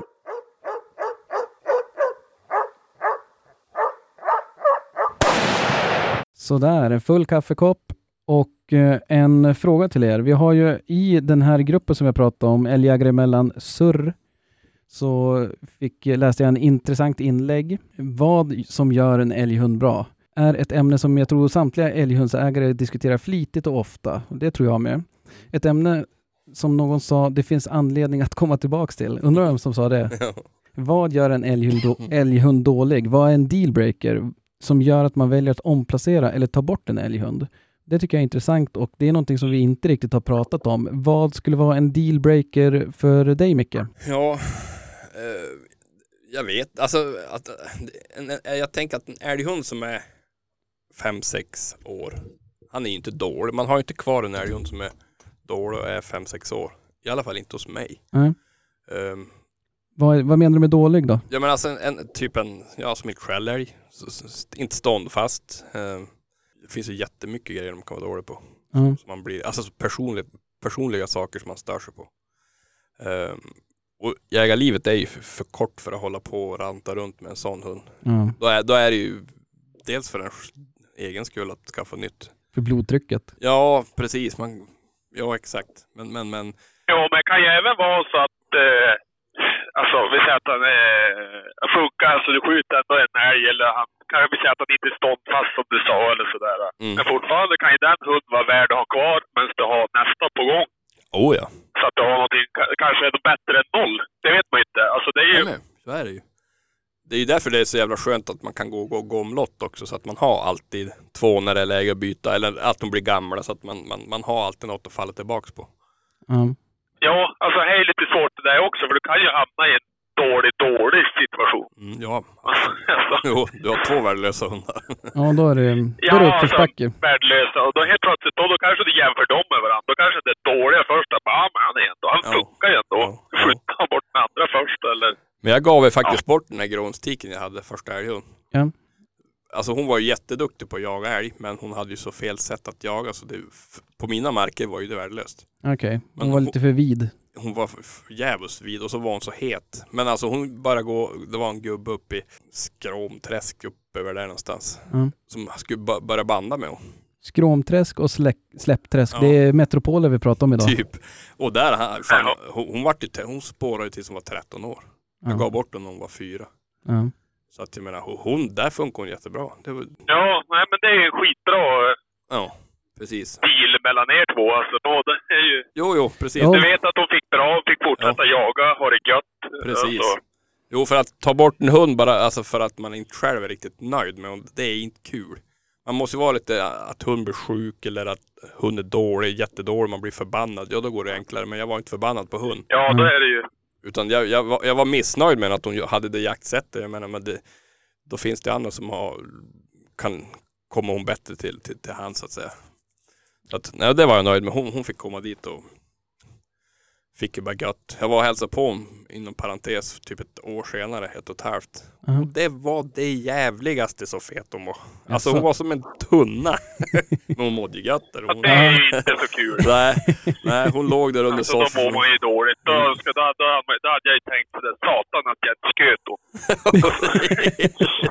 Är, det, är det det du tänker varje gång vi träffas? Att vi är så rund och god. Jo, man, man är ju, det är mycket att tycka om om vi säger så. ja, men man är likadan själv så kan man inte göra. Nej, nej men och det där är, det är alltid svårt. Det är som du säger där, allting är relativt. Och jag Mm. menar, eh, har man ingenting att jämföra med, Nej. har man då haft en kanon sedan tidigare, så då kan jag tänka mig att det är betydligt eh, lättare att veta att det här kommer, det här kommer nog inte bli någonting. Nej men också tror jag ju mer erfarenhet du har, alltså om du har haft ett gäng hundar, du, du får som ändå en ganska klar bild på hur en hund ska vara och så har du att jämföra med att hund jag hade innan, han var bättre på det. Mm. Men den jag har nu är mycket sämre på det. Och, man, och jag, tror att jag tror att det är jävligt nyttigt för en själv att inte höja upp hund och säga det här är en kanonhund, utan det är fan bättre att se de här negativa grejerna man har. För, för det, det har ju varenda, varenda hund har ju en negativ grej. Ja. Ja, ja, jag tror att du gör den tjänst att inte hålla upp hund så förbannat. Utan han är vad han är och så sen rättar du efter det. Ja. Nej men det, det tror jag, det, det är min devis alltid. Jag menar, det, alla som har lyssnat på podden har väl förstått att eh, jag, det är inte så att jag skryter upp mina hundar direkt, Nej. utan det är snarare tvärtom. Mm. Ibland får man som bara, ja men de, de funkar ju ändå sådär. Men Jo men sen, sen menar jag, alltså jag menar att gör hund ett jättebra jobb. Men fan, du ska ju inte skämmas för att Mm. säga det. Fan idag gjorde han det bra. ja, Men nästa Ja. dag när han bara går och lallar runt och inte lämnar fötterna, då, blir man ju förbannad. ja. Då vill man ju skjuta. Jag tror att, jag tror att det är egentligen, något som slog mig nu, det är egentligen som ett omvänt jaktprov kan man säga. Mm. Eller kanske inte ens omvänt, men jag menar, för mig, jag har ju några, för, för jag läser här, det, det är några förslag Mm. eh, som skulle kunna tänkas vara ja, men, eh, anledning till att det är en dealbreaker så att säga, så att man inte har kvar hund. Aggression vid, vid skottplats, dålig lydnad, dålig kemi, kommer inte överens med familjen, vaktegenskaper, för litet sök, för dålig kontakt med husse matte under jakt, Mm. problem att komma in i flocken om man har fler hundar. Mm. Alltså det finns ju flera olika kriterier. Oh, ja. Ja, jag tycker det med kemin är ju är rätt viktig. Sen att den kemin blir, även blir bättre om man är klart är duktig. Mm. Så, Mm. ja, Då, då, skriker man, hand ju- då hand. skriker man mindre på dem, jag på säga. Ja, är ju det. att Man har ju mer acceptans. Men eh, är ändå skillnad tror jag mellan hundar. Alltså man, man känner vad man får. För kontakt med dem ja. Ja, ja. Ja, Ja. ja. men man får som en... Maja som jag har, har jag aldrig... Jag ska inte säga det, men jag har aldrig gillat hon. Nej. Alltså. Nej. Och hon är ju inte så mycket sämre än någon annan, men alltså... Hej, Det har inte hon har ett klickat. sätt som är... Jag Mm. klickar inte varken hemma eller någonstans. Alltså, det är som inte riktigt... Nej. Hon är liten, hon är ful, hon är... Ja, alltså det är som allting. Alltså som ingenting alltså. Ja, nej men jag förstår, Nej. jag fattar exakt vad du menar. Att vissa hundar klickar man med och vissa gör man inte. Så är det bara. Ja. Ja, och jag tror att den andra grejen som jag kom att tänka på där, det är att det är olika saker. Så här, kemi är viktigt, absolut. För mig är det så här, om de inte kommer överens med, med familjen eftersom man har småbarn, det är ju, det är ju direkt en dealbreaker. Mm. Då får de ju jaga som en maskin, höll jag på att säga. Ja. Men, eh, Ja, ja, ja. Nej, alltså det finns ju gränser. så att medan Nej, för mig som, nu är ju inte jag direkt drabbad utav det, men för litet sök till exempel, det är så här, bara, ja, men det, då är det lätt att tänka så här, men det ska jag kunna leva med. Mm. Men det är klart, hade man, hade man haft det, eh, då hade man kanske inte varit lika nöjd över det. Så det är svårt att säga. Sen den andra grejen som jag tänkte egentligen, som är också intressant, det, det är ju lite grann det du berättade Micke, att ja, men, eh, hon var inte rätt för markerna som, som eh, du hade tillgång och jagade på då. Nej. Eh, och eh, då slog det mig att det kan ju också verkligen vara så där. Det hör man ju ofta om många duktiga hundmänniskor som tar omplaceringar. Mm. För att de kanske inte har jagat tillräckligt eh, bra eller att de inte har funkat med familjen. Mm. Och när de kommer då till den nya ägaren så blir det superbra. Ja men absolut. Och det är väl det där som, det klickar då kanske mellan Exakt, dem. att det, det, den hunden behöver den jakten eller den stimulansen eller inte vill ha småbarn omkring sig. Eller, Nej. så att det, det om, om det finns någon, eh, någon podcast för hundarna så sitter de säkert och, och pratar och recenserar oss eh, ägare också. Jo. Jo, nej men prova sig. Sven han är ju ful så förbannat. Alltså han har ju ansikte, jo men hans ansikte är ju inte jämthunds typiskt. Och min dotter säger ju hela tiden att han är så jävla söt. Och jag Ja. säger, men han är inte, han är ful. Alltså, han alltså, prata med hon sen, ska du få se. Hon sticker ju med en gaffel om hon har, alltså det är hon Ja. blir skitsur. Ja, men alltså de har ju klickat. Hon ser Jo. ju inte det där. Han har ju varit med och själv alltså. Jo, Man, man tycker de är ändå halvfin. Så går man på en utställning och så ser man de andra bara. Nej, hon är inte fin. Men jag... Alltså, Ja. man har ju svårt som ändå. jo, jo, jo. Ens egen hund är ju som fin. Ja men så är det ju, så är det. Ja, nej men Jag tycker absolut. GD är fin nu. Han ser väl ut som en sån här blandras. Ja, men jag tycker GD är fin. Ja. Ja, men alla säger att han ser ut som en schäfer. Och det, jag ser inte riktigt det, så, men han gör ju säkert det. Så då, Ja, ja, men jag, gillar, ju- jag, gillar ju, jag gillar ju schäfrar så det kanske är därför jag... Nej. Nej men å, återigen till den här grån jag gav bort. Ja, Alltså, då, då gjorde jag ju den tabben att jag gav bort hon och så vart jag hundlös ett år. ja, Det gör jag inte om. nej. Det var ju en tabbe. Men då när den hund som jag skaffade efter gråhundar, det var ju jämt hund. Och när han började funka, alltså det var ju, det var ju som en jag vart ju typ kristen. Mm, ett halleluja Ja, moment. men alltså det, det var ju så stor skillnad på hans arbetssätt på våra marker. Det gick inte att jämföra. ja, Typ, jag var, jag var ju skitnöjd över den hunden. ja, Tills han vart lite äldre, då vart han ju som ett...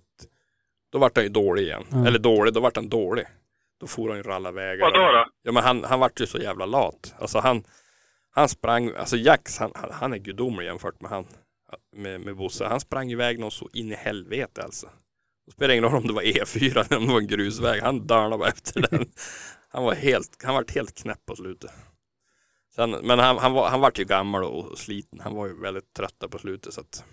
ja, men det är väl e- egentligen som alla i- i- elitidrottsmän och kvinnor, höll jag på att säga, att det är klart eh, det blir sämre med åren. Så, så måste det väl vara. Någon, någon gång så tar ju tiden ut sin rätt. Absolut så är det ju. Men, men, men du vet skalle på slutet, hans du hör, du hörde han inte på 200 meter. Alltså det som bara väste. Ja, men hur gammal var han då? Han var 10 år när jag, när jag slutade jaga med honom, så fick han leva ett år till tror jag. Ja, ja men då är det ju... Ja. Så att man, man, man, man jagar mer med Pale då. Man såg att han var hemskt duktig på att få dem att stå. Och när han stod still då skällde han, då var det bara att gå dit. Men du hörde han 200 Det är klart. meter. Det är klart de stod då, de hörde han ju inte. Nej, typ vad är det för något som prasslar i De sidan? låg ju och sov. ja. Nej, han, han, han var väldigt eh, slut på slutet. Så. Ja, Svårsmuget. Ja, det var det faktiskt. På slutet var det skitsvårt. Det var Ja. som bara en jävla orm som gick runt där och väste. Men, Ja. Nej, det här är, det är ju ett ämne som man kan prata om till dödagar, höll Ja, jag på att säga. ja, ja. Och man skulle egentligen vilja gå in på alla de här individuella bitarna, och Ja. det kommer vi säkert att göra. Någon gång. Men kanske inte just nu. Nej. Så att, eh, men eh, svinbra fråga och eh, har ni eh, tankar i ämnet så gå in och eh, svara i tråden där. Det, Mm. det är bara, den ligger redan uppe så det, gå in och, och tyck och tänk vad, vad ni, hur ni ser på saker och ting. Vad är en dealbreaker för er Mm. när det gäller en hund? Mm.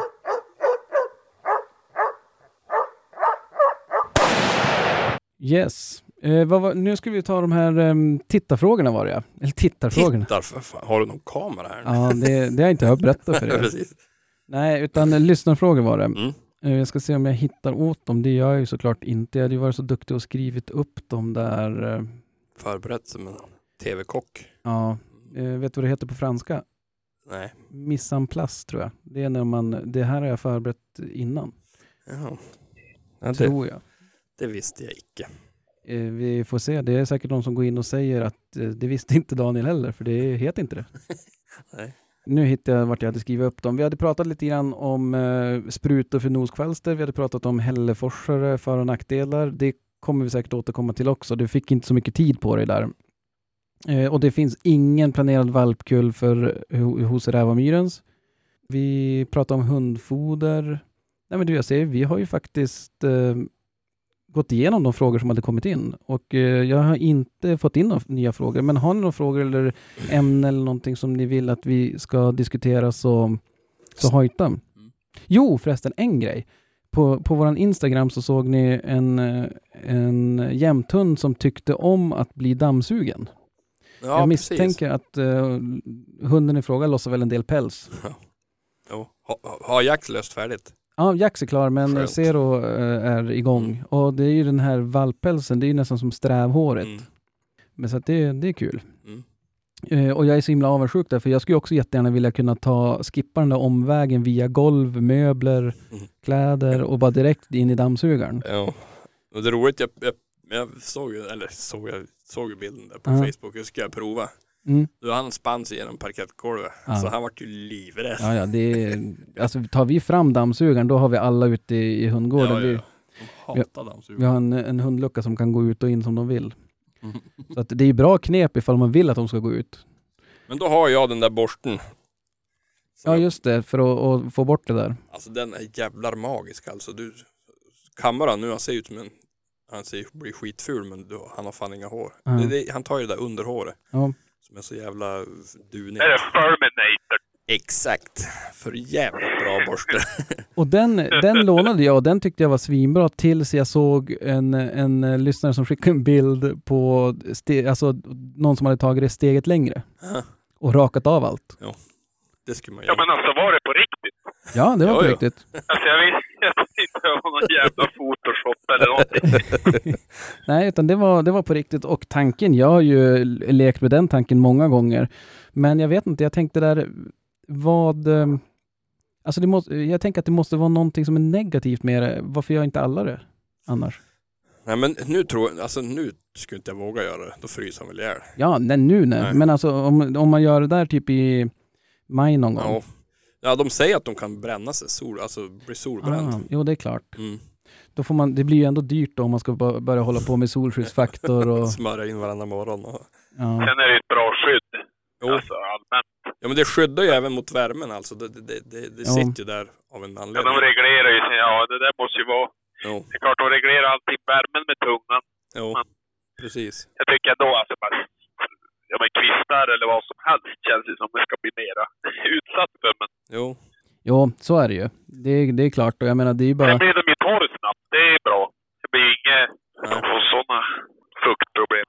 Nej men jag tänker, alltså att de blir blöt, jag menar när man, när man, när hunden varit och hittat någon eh, bärplockare eller orienterares eller jägares eh, efterlämningar, då åker man ju på, på duscha och, och schamponera dem. Mm. Och du, du får ju jobba länge för att få dem blöt alltså. Ja, jo det Ja, hej. rinner som bara av dem. Ja, du kan ju så här slänga dem i sjön och så tar du upp dem och så Mm. skakar de och så är de, det är ju som en jävla utter. Jo, jo det, det, de, det, Ja men det är ju ett skydd alltså mot allt nästan. Ja. Nej men är det någon som är påläst och kan det om det, vad, solen köper jag. Mm. Nu är ju inte, mina hundar är ju inte, vi har en, en, en annan hundras som är betydligt mindre pälsig och mager. Mhm. Och han älskar ju att ligga i solen. Mm. Det är det bästa han vet, att bara få ligga och, och jäsa i solen. Jo. Så är ju inte jämthundarna. Nej, inte min heller. De, de går gärna i skuggan. Så att, ehm, men eh, är det någon som vet för och nackdelar så, så hojta gärna. Mm. För det var, det, jag, jag lovade en, en annan lyssnare att vi skulle ta upp och surra om det. Nu är ju problemet att vi inte kan så mycket. Nej. Men eh, vi, vi är bra på att gissa. Ja, vi, det, det, det tycker jag Men väl. du, jag har ett tips också. Ja. Mest till Daniel då. Eller alltså plus äh, många andra, men just mellan oss tre så är det väl till Ja. Daniel. Ja, För att få fast hund, låt höra. då är det... ska man ladda hem, eller jag har faktiskt provat det själv.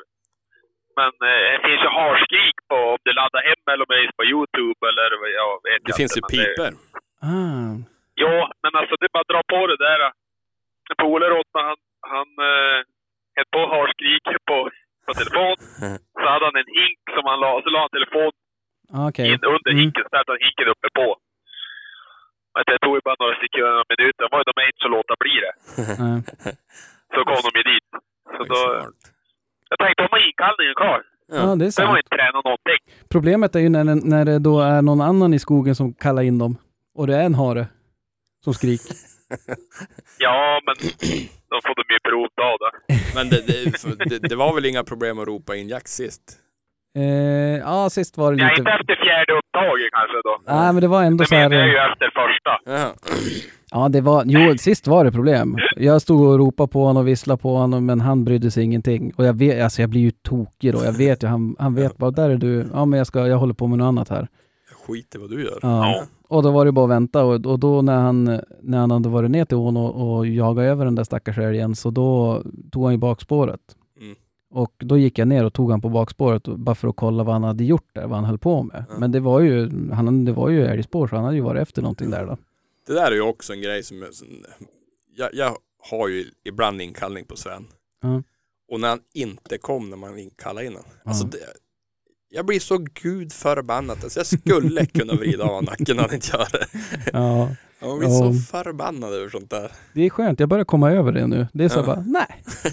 Så, så man skrattar lite åt sig själv att man försöker. Ja, så här, det är bara, det man, man kanske ska göra det. Man ska bara skratta. Ja. det är fördelen med att det nästan Ja, det aldrig bästa funkar. är ju att, alltså det bästa är ju aldrig att fara dit, alltså tror jag. Nej. Nej. Eh, och sen att de, ja, det måste man göra från början då, alltså även när de har lärt sig. Men det är klart, en del är ju speciell. Men Alltså det- det blir nästan förvildat då. Ja men det tänkte jag faktiskt på när, när, när Danne, när vi var här hemma på hemmamarken. När Ja. hunden skällde så himla fint. Ja. I Fyra, fem timmar, jag vet inte vad det var. Ja. Och det där var ju på utsidan av marken så jag skulle springa in och jag skulle, vi skulle stöta lös då Stöta? för, Ja. ja, för, för att det, hund skulle bryta. Ja. Och, och då dummade jag mig med, med Danne och, och filmade mig själv när jag sprang och skickade åt att jag är beredd nu för nu kommer jag stöta där utav helvete. Ja. Och jag sprang ju. Och så helt plötsligt, fan då kom jag in på stånd, alltså det var inte mer än 30 meter. Ja. Då ser jag kon som står och tittar på mig så här och Jack dunkar ju på där och jag bara helvete. Så, men då sa jag, då, då, då, då stod jag där och så jävla tvärskrek jag bara Jax! Nu kom Mm. du hit. Och när han kom, han såg så jävligt skamsen ut. Ja. Det var precis som han skulle krypa genom jorden. Han skämdes typ. ja, han har inte jagat sedan dess. Han vart, jag tror att han vart rädd. Han hade nog aldrig märkt mig när jag Nej. kom in där. Han jävla kröp ner i lingoriset. Men han kom ju till mig. Det var ju hur bra som helst. Jo, men jag har, jag har faktiskt testat den inkallningen själv också. Mm. Och inte så här, man, lär sig ju och man får höra tips och så här, vad, vad ditt roligaste jag? Ja. Och det är man ju sällan när man har varit ute i skogen och är hungrig och inte äter och sånt där. Men eh, nu sist, eller näst sist, då, då gick jag bara och så ropade jag eh, Jax, nu kom du hit. Mm. Och eh, ta med tusan, han kom. Mm. Jo, han, han, han förstår vad det där betyder. Ja men det problemet är att jag, han är ju jätteduktig. Vi har ju en, en, em, en sån här rasthage eller vad vi ska kalla det. Vi har ju hängt in en åker här. Eh, och där, där kan man ju träna hur mycket som helst och ja, träna väl en hel del. Mm. Och det är, funkar klockrent. Det är inga konstigheter och han, han, han är ju nästan som en cirkushund höll jag på att säga. Mm. Men så fort det är något han vill mer, då är det som att han, Ja. man finns inte. Ja. Ja, så men, att, så, så, em, men men. ja, det är en trevlig hund. Ja, han är, han, jag gillar honom skarpt, även fast han har sina egenheter och att det kanske inte alltid skiner igenom i podden. Men, eh, men däremot, lillvalpen, han har ju fått något bryt nu. Så han kan ju så här helt plötsligt börja bara sitta och tokskälla inomhus mitt i natten. alltså, Och alltså du vet, man går ner och säger åt honom, han bara skäll mer. Och så står jag och tittar på honom och, och då, är inte, då är inte jag jätteglad kan jag säga. och så sen då, då, ja men det är verkligen så, han vill typ, han skäms och vill typ under jorden så att säga. Ja. Men, och så vänder jag bara, ja men nu, nu tror jag kronan föll ner. Och så vänder jag och så går jag och så sen så fort jag går ut ur rummet, då sätter det igång igen. Han Ja, alltså det- hör någonting. Ja, jo det är ju någonting och jag, jag vet, jag tror att vi har en grannkatt som är och stryker utanför. Han kan ju sitta ute och skälla på den där hur länge som helst. Jo, jo. Men ja, det är tur man inte har allt för många Ja, sen grannar. är han nu i den åldern och Alltså han börjar bli könsmogen och grejer. Alltså, Ja, det är i lite spökåldern spökåldern och ja. ja. Jag skulle tro det, för det är verkligen från en dag till en annan. Mm. Ja, och är likadant är det när det försvinner också. Ja. Alltså, Det går ganska fort. Ja, Det hoppas jag. ja, jag gör ju det. Man hinner inte vara med. Man hinner döma ut och säger dum i huvudet med och sen är det plötsligt är de normaliga. Ja. Ja, det, men eh, det måste jag också säga, när vi liksom pratar om det och skillnaden mellan individer, alltså det, de är som natt och dag. Eh, Zero är mycket, mycket mer följsam. Mm. Så nu, nu är det klart det skiljer mycket i ålder och sådär, men så där var ju aldrig Jax. Alltså han, det var ju så, han har alltid varit ganska kört sitt eget race. Mm. Visst, eh, man kan vara rolig och det är roligt att leka med mig, men finns det någonting annat som man hellre gör, då är det dövöra. Ja. Ja, Medan Zero är mycket, mycket förarvekare på så vis. precis. Men det, det, det, det, det är väl olika individer. Ja, nej, det kommer bli spännande nästa år att se vad som händer och sker där. Satan vad roligt. Det ska bli riktigt kul. Men, men, jo, det är en till grej vi inte hann med förra, förra avsnittet. Det var ju och det vart en kort... Eh, Guldälg. precis, det vart en kort eh, jävlar. tradition. Ett avsnitt, sen då kraschade minneskortet. Ja visst, det fan det var det också. Men eh, ska vi se, är det någon som... Eh, vem vill börja? Är det någon som har förberett någon guldälgs eh, tilldelning? Ja, Jag fick ett meddelande av dig idag, förbered guldälgen, men det, ja du vet jag hade ju så jävligt stressigt på jobbet, det krävde ju så full koncentration så jag har inte hunnit tänka ut något. Du läser meddelanden på arbetstid alltså? Eh, Jag gjorde det på en fikarast. Mm. Jag brukar säga som så, om man kommer hem från jobbet och inte är kissnödig, då har man inte jobbat hårt nog. Okej. Nej, börja ni så ska jag försöka fundera ut någon. Ja, Har du någon solklar eller Daniel? nej nej, utan kör du. Ja, jag har inte heller det egentligen. Alltså, jag, har tänkt, jag, jag har ju tänkt ganska mycket på det där. Ja. Jag har ju velat komma på någon riktig sån där Dräpare. bra. Ja, men en riktig sån där. Så, men- det har varit svårt. Men till slut så blev det som en kompott. Ja. Alltså, jag vet inte. Förra, redan förra veckan tänkte jag på det. Då ska jag vara väldigt smörig då, tänkte jag. Ja. Så då var det ju då fruarna jag skulle ge han till. Eftersom vi Ah. skulle sammanfatta, sammanfatta året och lite sådär. Så de har ju ändå stått ut rätt bra. Sant. Ja, faktiskt. Så, men sen då kom jag tänka på då, då är Daniel då tycker jag väl ska ha fått guldägaren för att då har ju han, ja han har ju lagt ner ett hästjobb på alla sorts vis. Eh, Alltså både med podd och, ja men hur du håller på med. Det var ring runt och intervjua och prata och greja. Ja, tyckte jag det är ju också värt en guldägg. absolut. men det är ju guldmicken du ska tänka... Nej. Ja. Ja, och sen då har ju Micke slitit häcken av sig och för att skära ner det där köttet. Jag har ju sett hur fingrarna så var det iskalla så varenda kväll. Armarna är långa. Så då tänkte jag det, då ger jag som en kompott där. Att ni får en del av han alla tre.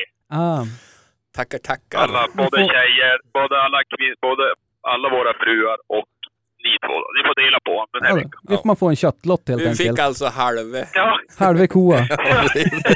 ja precis. Jaha, vad lätt det blev nu. Du gav Ja. den till alla. Men vem ska man själv ge den till Ja, nu då? Ja, tusan, ja jag, jag, hade, jag måste ju ha något nytt. ja, alltså, jag hade tänkt ta fruarna men nu tog du det. Ja, jag varit jätteglad när du sa bara först hade jag tänkt att ta dem, men sen då, jag tänkte bara yes, då ska jag ta dem. Ja. Nej, ni måste ju tänka ut något bättre för det är ju som, Mm. jag är ju bara bihang. Du är ju en, en, eh, en utav dem i den heliga treenigheten. Vad är det? Fader, den heliga anden och... Jag, jag trodde du menade Ja. onde, den gode, den fule. Det, kanske, det, det är väl mer, mer beskrivande. När jag började fundera på det där och eh, det var ungefär när jag skickade meddelandet till er, så slog det mig att eh, någon som eh, vi ska försöka få tag i och surra lite grann med är ju allas vår Karl Helin. Precis. Och eh, inte kanske jättemycket inför rättegång och så vidare, utan för det är det många andra som är bättre på och har Mm. gjort och så vidare. Men jag är också ganska nyfiken på, på surra älgjakt med han. Mm. Alltså han är ju säkert en av dem i Sverige som har skjutit flest älgar Mm. och har, borde ju ha ganska mycket erfarenhet och historier om det. Så Mm. att eh, vi ska försöka få tag på han. Ja, för här var väl, är det som officiellt alltså hur många han skjuter? Det var Du har nämnt någon siffra till mig någon gång, men jag vet ju inte. Ah, jag vet, officiellt, Det- jag- officiellt. Det är väl mycket hörsägen kanske men alltså också. Men, hur kan man... Ja, det, ska bli ro, det ska ju vara roligt att höra hans historia. Alltså, hur kan man eh, landa där, så att säga? Mm. Jo, det är några Vi timmar i gör ju så skogen. gott vi kan varenda helg och alltså, det, vi kommer ju aldrig att komma dit. Nej. Nej. Även om vi får jaga på 80-talet eller inte, känns ju som. Ja. Nej, så är det. Och det är, ju, det är ju jättefascinerande. Och eh, just nu tänker jag att jag skulle vilja ge han guldälgen. Det är väl inte kanske, då är vi tillbaka till det där, det är ju den kamp som han för egentligen för, för väldigt, väldigt många jägare nu som, som ska upp i rätten här vad, vad det lider. Mm. Och eh, nu lyssnar han säkert inte på det här och bryr sig säkert inte om det, men jag tycker ändå han är värd en, en guldälg för att eh, ja, men, eh, för, föra våran kamp också. Det känns som att rättegången är ju inte bara hans fight, utan det är ju Nej. väldigt många som, eh, som är beroende av vad som händer och sker där. Det är sant. Så att han får min guldälg. Ja, vem fan ska jag ge då? Förlåt fruar. Ja, precis. ja, vi hade ju redan smörat fast det där. Så det är lugnt. Nej, Ja, det är mycket. Ingen press. Nej men alltså jag har, jag, jag, jag måste faktiskt vara så jävla transparent och säga att jag har ingenting. Jag, jag, jag kommer inte på någonting.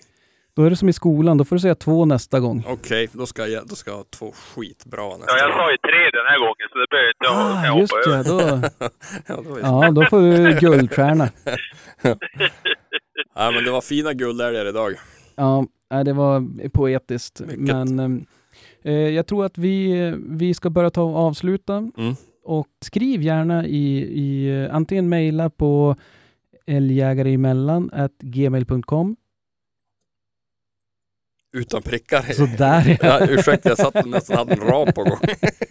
Eller eh, alltså det blir alltså algjägare emellan eh, at gmail.com eller på Facebook eller Instagram heter vi älgjägare emellan. Mm. Och eh, skriv gärna om ni har någonting som ni tycker att vi ska surra om.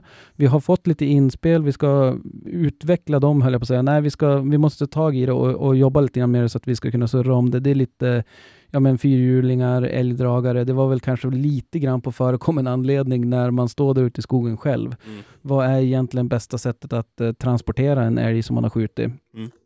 Eh, och lite jaktbilar och allt möjligt. Det finns ju mycket att prata om. Vi har väl valt att skjuta lite grann på det just nu under brinnande jaktsäsong, för vi vet att det kommer tråkigare perioder där, eh, där man måste prata om, eh, man måste ha ämnen att prata om där också. Ja, men det blir bra att ta när det blir lite lugnare Precis. skogen. Men är det någon som har några välvalda avslutningsord? Nej. Ja, vi måste jaga helgen. Jo, det måste vi göra. Ja, jo, det är sant. Det var välvalt och smart. Mm. Så att, eh, nej, men eh, det, det, med, med de bevingade orden så tackar vi för oss den här gången och på återhörande. Skattjakt på er. Görs. Tja! Jag hörde hund som skällde gäst En Rune Smugfoss, där var väst Och jag stod kvar på post på Säterbrua han svor och grumta som en gris. Det var för mycket busk och ris. Det enda som man såg var Halve kua. Halve kua.